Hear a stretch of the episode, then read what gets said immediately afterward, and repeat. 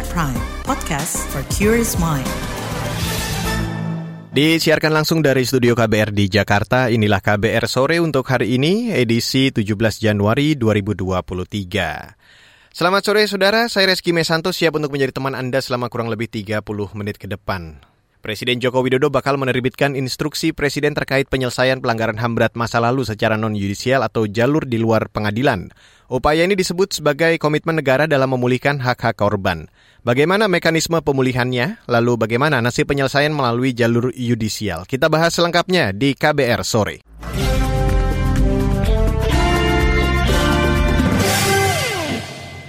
Saudara Presiden Joko Widodo dikabarkan bakal segera mengeluarkan instruksi Presiden untuk mempercepat penyelesaian pelanggaran HAM berat masa lalu melalui jalur non-yudisial.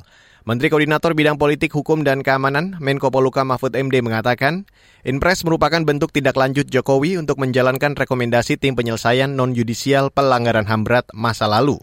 Dalam Inpres itu, Jokowi akan membagi peran dan tugas masing-masing kementerian lembaga dalam pemulihan hak-hak korban pelanggaran HAM berat. Selanjutnya, langkah-langkah rekomendasi lainnya yang berjumlah kira-kira 12 jenis tindakan yang akan dilakukan oleh Presiden. Nah Presiden tadi menyampaikan kepada kami, kepada Mensos harus melakukan apa, Menteri PUPR melakukan apa, Menkumham melakukan apa, Pak Muhajir sewako Menko PMK uh, mengkoordinasikan apa, itu tadi sudah dibagi. Tetapi ada hal lain yang lebih yang lebih mengerucut tadi bahwa dalam waktu dekat Presiden akan mengeluarkan impres khusus untuk menugaskan kepada 17 lembaga kementerian dan lembaga negara eh, non kementerian, lembaga pemerintah non kementerian eh, plus koordinasi dengan lembaga eh, independen di luar eksekutif untuk menyelesaikan seluruh rekomendasi tim PPHAM ini. Pemerintah juga akan meminta bantuan Komisi Nasional Hak Asasi Manusia atau Komnas HAM untuk mendata korban-korban pelanggaran HAM berat masa lalu. Menko Poluka Mahfud MD mengatakan dalam waktu dekat Presiden Jokowi bakal menemui para korban di dalam negeri dan luar negeri. Di antara yang secara seremonial untuk ditunjukkan kepada publik bahwa kami bersungguh-sungguh, mungkin dalam waktu dekat Presiden akan berkunjung ke beberapa daerah, misalnya ke Aceh, Talangsari, dan di luar negeri kami akan mengumpulkan korban-korban pelanggaran HAM berat di masa lalu karena mereka banyak sekali terutama di Eropa Timur untuk memberi jaminan kepada mereka bahwa mereka adalah warga negara Indonesia dan mempunyai hak-hak yang sama. Nanti mungkin akan dikumpulkan di Jenewa atau di Amsterdam atau di Rusia atau di mana eh, Pak Menkumham dan Menlu bersama saya ditugaskan untuk menyiapkan itu sehingga nanti pesannya juga ada di luar negeri dan tim ini tidak main-main. Selain mengeluarkan impres, Jokowi dikabarkan juga akan membentuk satuan tugas atau satgas baru. Menurut Mahfud, satgas itu akan mengevaluasi dan mengendalikan pelaksanaan dari setiap rekomendasi tim PPHAM. Presiden juga akan membentuk satgas baru yang akan mengevaluasi dan mengendalikan pelaksanaan dari setiap rekomendasi ini. Nah ini semuanya masih dirancang, mungkin tidak akan lewat dari akhir Januari. Uh, ini nanti sudah diumumkan oleh Presiden. Mahfud MD juga memastikan penyelesaian pelanggaran HAM berat melalui mekanisme yudisial atau pengadilan akan tetap berjalan. Ia meminta agar penyelesaian yudisial terus diproses hukum, tidak boleh ditutup-tutupi dan harus terus diusahakan hingga ke pengadilan. Khusus penyelesaian yudisial itu Presiden akan tetap memberi perhatian penuh dan meminta Kejaksaan Agung berkoordinasi dengan Komnas HAM. Karena penyelesaian yudisial itu adalah jalur sendiri. Sedangkan yang ini penyelesaian non yudisial yang sifatnya lebih kemanusiaan. Yang tim PPHAM ini memperhatikan korban sedangkan yang yudisial itu mencari pelakunya. Jadi antara korban dan pelaku kita bedakan. Yang pelaku ya ke pengadilan. Sejauh itu bisa dibuktikan. Tinggal buktinya seberapa banyak bisa kita kumpulkan. Itu tadi Menko Poluka Mahfud MD. Rencana Jokowi menerbitkan Inpres mengemuka usai tim penyelesaian pelanggaran HAM non-yudisial atau tim PPH melaporkan sejumlah rekomendasi ke pemerintah. Salah satu rekomendasi itu yakni kepala negara menyampaikan pengakuan dan penyesalan. Atas rekomendasi itu, Presiden Jokowi membuat pernyataan pengakuan negara atas 12 kasus pelanggaran HAM di Indonesia. Dengan pikiran yang jernih dan hati yang tulus, saya sebagai kepala negara Republik Indonesia mengakui bahwa pelanggaran hak asasi manusia yang berat memang terjadi di berbagai peristiwa. Dan saya sangat menyesalkan terjadinya peristiwa pelanggaran hak asasi manusia yang berat. Itu tadi Presiden Joko Widodo. Baiklah, kita jeda sejenak. Setelah jeda akan saya hadirkan laporan KAS KBR yang akan membahas korban pelanggaran HAM berat desak penyelesaian yudisial. You're listening to KBR Pride, podcast for curious mind. Enjoy!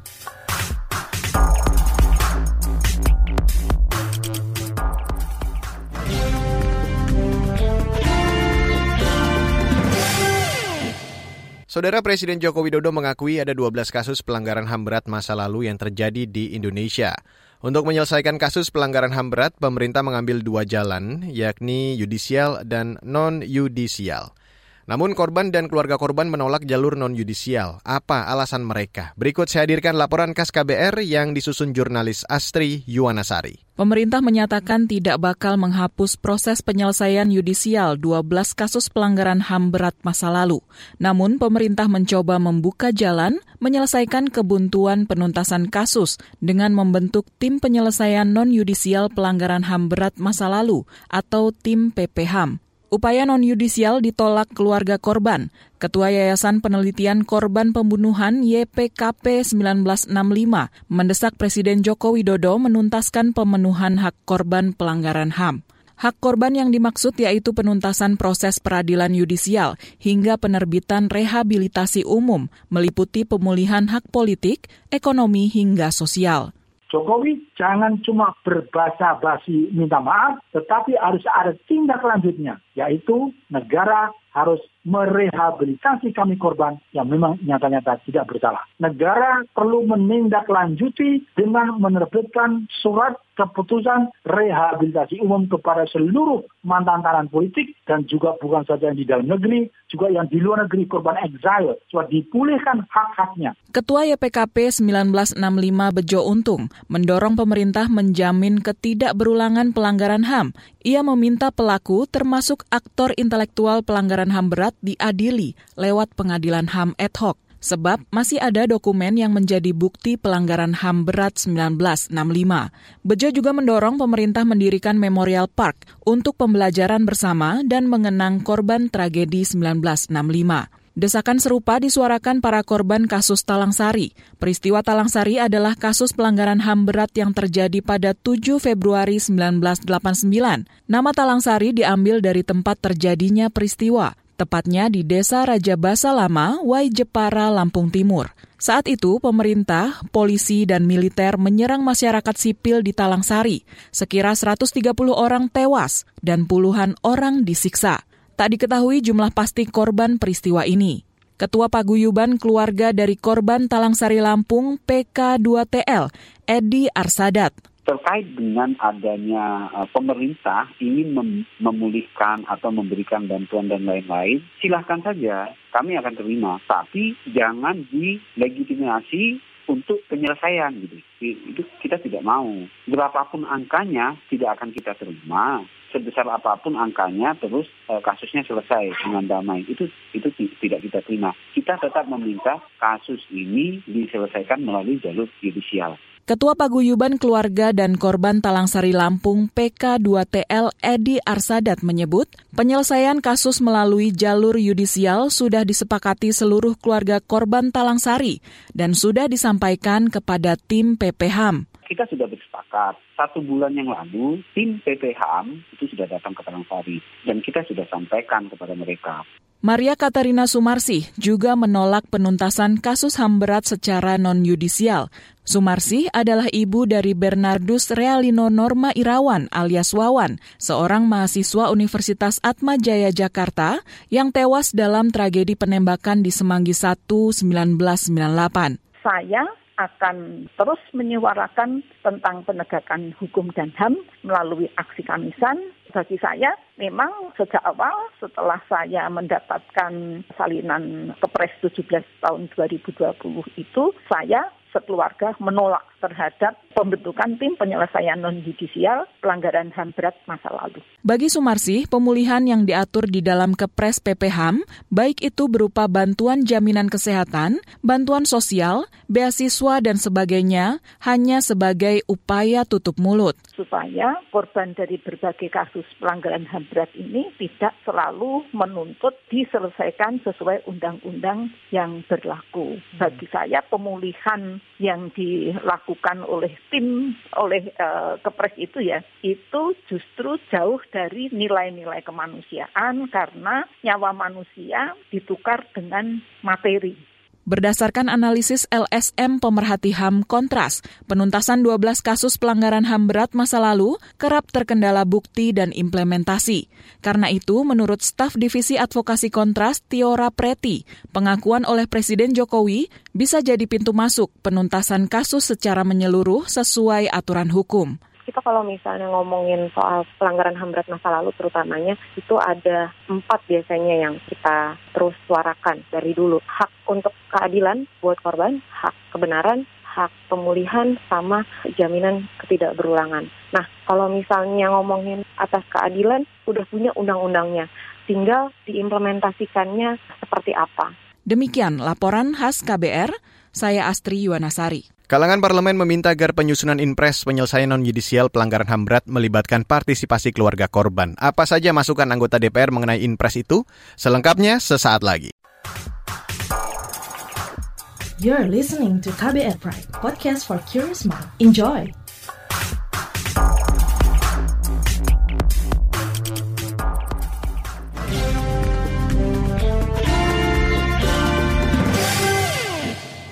Saudara penyusunan instruksi Presiden atau Inpres penyelesaian non-yudisial pelanggaran HAM berat masa lalu harus melibatkan pihak korban dan pendamping. Anggota Komisi Hukum DPR Taufik Basari mengatakan, Inpres itu harus memuat substansi yang fundamental dan berpihak pada korban sehingga bisa memberikan hasil yang optimal.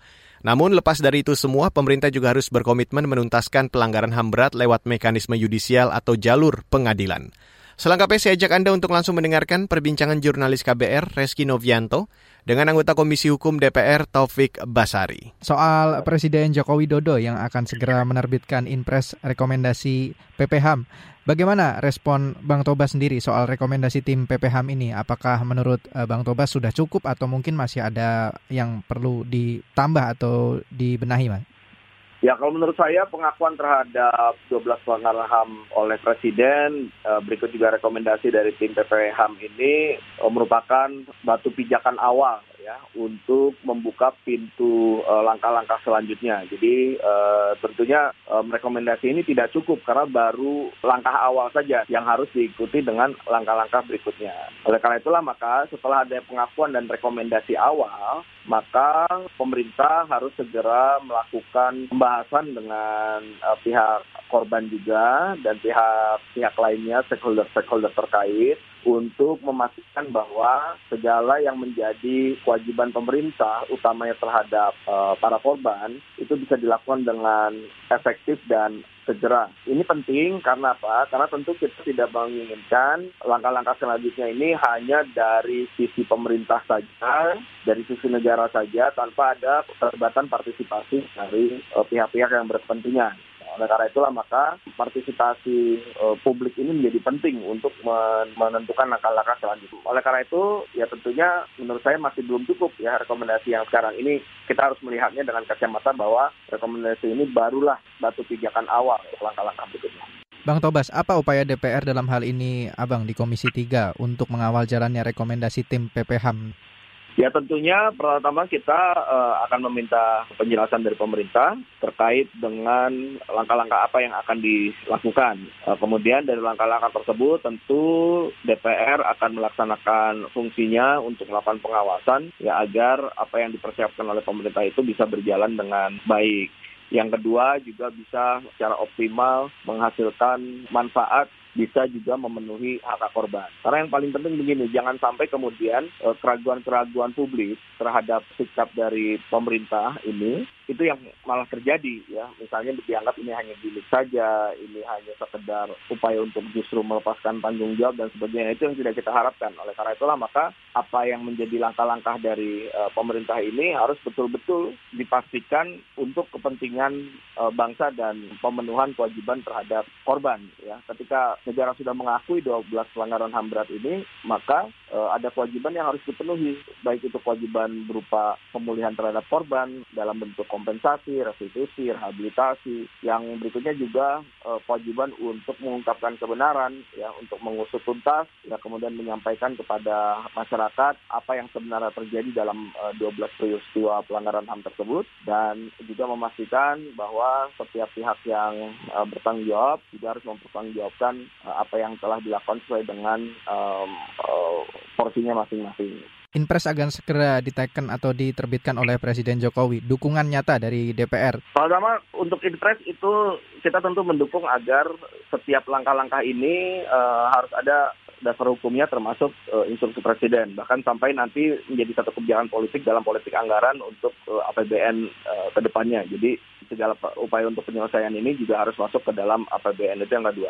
Namun demikian, paling penting adalah jika nanti dibentuk impres, substansinya apa? Itu yang yang yang yang harus kita pastikan hmm. bahwa substansi ini benar-benar uh, substansi yang uh, fundamental ya dan bisa memberikan hasil yang optimal. Dan yang ketiga, uh, tentunya kita berharap ketika impres ini disusun, tetap uh, pemerintah juga melibatkan partisipasi pihak-pihak yang berkepentingan, baik itu korban ataupun para pendamping, sehingga uh, impres ini bisa juga diterima oleh uh, seluruh pihak. Karena kalau kemudian ada penolakan-penolakan, tentu implementasi dari impres ini akan mengalami hambatan dan kesulitan-kesulitan. Ya itu tadi perbincangan jurnalis KBR Reski Novianto dengan anggota Komisi Hukum DPR Taufik Basari. Sementara itu apa masukan dari Komnas HAM terkait penyelesaian kasus pelanggaran HAM melalui jalur non-yudisial? Selengkapnya sesaat lagi.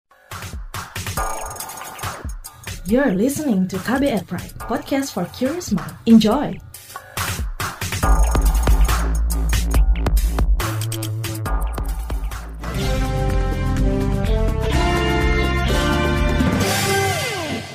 Saudara Komisi Nasional Hak Asasi Manusia Komnas HAM mendorong pemerintah segera memulihkan hak-hak korban pelanggaran HAM berat di masa lalu. Komisioner Komnas HAM Anis Hidayah mengatakan, pemulihan korban bisa dalam bentuk rehabilitasi medis, psikososial hingga bantuan ekonomi. Sejauh ini sudah ada 6 ribuan korban pelanggaran HAM berat yang terverifikasi. Anis mengingatkan masih banyak korban yang belum terdata.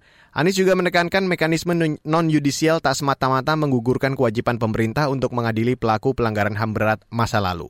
Selengkapnya, saya ajak Anda untuk langsung mendengarkan perbincangan jurnalis KBR Astri Septiani dengan anggota Komnas HAM Anis Hidayah. Bagaimana respon Komnas HAM soal tindak lanjut rekomendasi dari tim PPHAM? Apa saja hak-hak korban pelanggaran HAM berat masa lalu yang perlu untuk dipulihkan? Ya kita uh, apresiasi itu gitu sebagai satu uh, langkah uh, agar tidak ada sesuatu untuk penanganan kasus pelanggaran HAM berat ya, terutama bagaimana memberikan negara memberikan pengakuan um, yang disampaikan oleh Presiden selaku kepala negara dan akan terjadinya pelanggaran HAM berat itu gitu. Termasuk uh, bagaimana agar dibangun satu mekanisme untuk uh, pemulihan korban uh, sesuai dengan Kepres 17 2022. Um, berdasarkan Kepres 17 2022 itu kan memang pemulihan korban, korban siapa itu kan berdasar pada rekomendasi Komnas HAM terutama juga surat keterangan yang sudah dibuat oleh uh, Komnas HAM ya. Uh, yang sudah disampaikan kepada korban. Ada sekitar 6.000 lebih uh, surat keterangan korban yang sudah dikeluarkan oleh Komnas HAM. Bagaimana ini kemudian ditindaklanjuti uh, untuk kemudian diteruskan um, uh, bagi um, para korban itu mendapatkan uh, pemulihan. Nah, hak-haknya apa saja itu soal psikososial, kemudian um, layanan uh, apa medis gitu ya. Banyak di antara mereka yang uh, dalam kondisi sakit, kemudian dalam kondisi uh, gangguan uh, mental karena traumatik yang uh, panjang, kemudian juga dalam kondisi uh, ekonomi yang uh, sangat buruk gitu ya. Tidak ada pekerjaan yang memadai gitu ya. Mayoritas bekerja dengan uh, pekerjaan yang informal gitu. Sehingga situasi ini uh, penting untuk didorong agar hak-hak itu diberikan gitu. Apakah ada kemungkinan bahwa masih banyak korban pelanggaran HAM berat masa lalu yang belum terdata? Dan bagaimana saran Komnas HAM supaya semua korban terdata dan mendapat hak pemulihan seperti yang direkomendasikan oleh tim PPHAM? Oh, pasti banyak. 6.200 itu kan sebagian dari mereka yang uh, sebagian dari mereka yang uh, sudah diberikan atau dikeluarkan surat keterangannya oleh Komnas HAM gitu. Tetapi bahwa uh, banyak di antara mereka yang belum terdata itu pasti gitu. Makanya kita juga berharap gitu ya dalam kesempatan ini ada momentum Presiden mengakui pelanggaran HAM berat gitu ya. kita juga akan berupaya bagaimana semaksimal mungkin menjangkau para korban untuk dapat surat keterangan, kemudian mereka mendapatkan haknya atas uh, pemulihan gitu ya. Uh, misalnya bagi uh, keluarga mereka gitu ya, anak-anak uh, dan keturunan mereka uh, misalnya mendapatkan akses atas uh, beasiswa untuk peningkatan uh, pendidikan gitu, termasuk layanan-layanan lain yang dibutuhkan oleh keluarga korban yang selama ini tidak mereka dapatkan gitu. Pemerintah menyatakan bakal mengeluarkan impres dan juga membentuk satgas untuk menindaklanjuti rekomendasi PPHAM. Lalu apa catatan dan saran dari Komnas HAM mengenai hal tersebut? Ya, yang pertama tentu penting ada asesmen ya. Jadi uh, penyaluran uh, hak-hak korban gitu ya, bentuknya pemulihan ini mesti menjawab kebutuhan mereka. Jadi jangan kemudian ada program yang itu tidak sesuai dengan uh, kebutuhan para korban gitu, sehingga harus didahului dengan asesmen kebutuhan-kebutuhan mereka itu uh, apa gitu ya, kebutuhan jangka pendek, kebutuhan jangka panjang gitu ya, termasuk akses-akses atas uh, bantuan sosial yang selama ini mungkin mereka tidak dapat gitu ya, karena mereka terstigma sebagai korban pelanggaran HAM berat gitu. Jadi melalui asesmen itulah nanti yang uh, bisa didapatkan gitu ya apa saja yang mesti dipersiapkan oleh pemerintah gitu jadi sifatnya tidak top down gitu ya tetapi lebih ke bottom up. Bagaimana upaya Komnas HAM mendorong agar pelaku pelanggaran HAM berat di masa lalu diadili secara yudisial? Makanya kita juga ingin mendorong dalam momentum ini agar uh, Presiden sekali lagi selain uh, melakukan uh, proses pembentukan kebijakan untuk pemulihan hak korban bagaimana juga mestinya mendahulukan untuk proses judicial gitu. Bagaimana uh, meminta jaksa agung gitu ya uh, untuk uh, sesegera mungkin melakukan upaya-upaya langkah uh, cepat gitu ya menindaklanjuti penyelidikan Komnas HAM terkait kasus-kasus pelanggaran HAM berat gitu. Komnas HAM kan sudah menyelesaikan penyelidikan 12 uh, pelanggaran HAM berat yang itu sudah disampaikan kepada Kejaksaan Agung. Kemarin juga sudah kita sampaikan uh, dalam pertemuan dengan Presiden bagaimana agar Presiden memberikan dukungan agar ini uh, bisa ditindaklanjuti melalui proses hukum oleh Kejaksaan Agung gitu ya sehingga uh, tidak terjadi kemandekan proses hukum untuk kasus pelanggaran HAM berat. Satu hal sekali lagi yang selalu didorong Komnas HAM adalah uh, proses hukum pengungkapan kebenaran, uh, bagaimana menghadirkan keadilan bagi para korban pelanggaran HAM berat melalui mekanisme yudisial ya pelanggar, uh, pengadilan HAM ini yang terus ingin kita dorong dan mendapatkan um, dukungan politik itu dari Presiden. Itu tadi wawancara jurnalis KBR Sri Septiani dengan anggota Komnas HAM Anis Hidayah. Di tempat lain, Yayasan Lembaga Bantuan Hukum Indonesia atau YLBHI mendesak Presiden Jokowi mengusut tuntas pelanggaran HAM berat di masa lalu. Ketua Umum YLBHI Muhammad Isnur mengatakan Jokowi harus membuat kebijakan yang konkret dan strategis untuk menyeret pelaku pelanggaran HAM berat ke pengadilan dan dihukum untuk memberi keadilan bagi korban dan keluarga korban. Dan saudara informasi ini sekaligus menutup kabar sore untuk hari ini 17 Januari 2023. Terima kasih untuk Anda yang sudah bergabung sore hari ini. Selamat kembali menjalankan aktivitas Anda. Dan saya Reski Mesanto undur diri. Salam.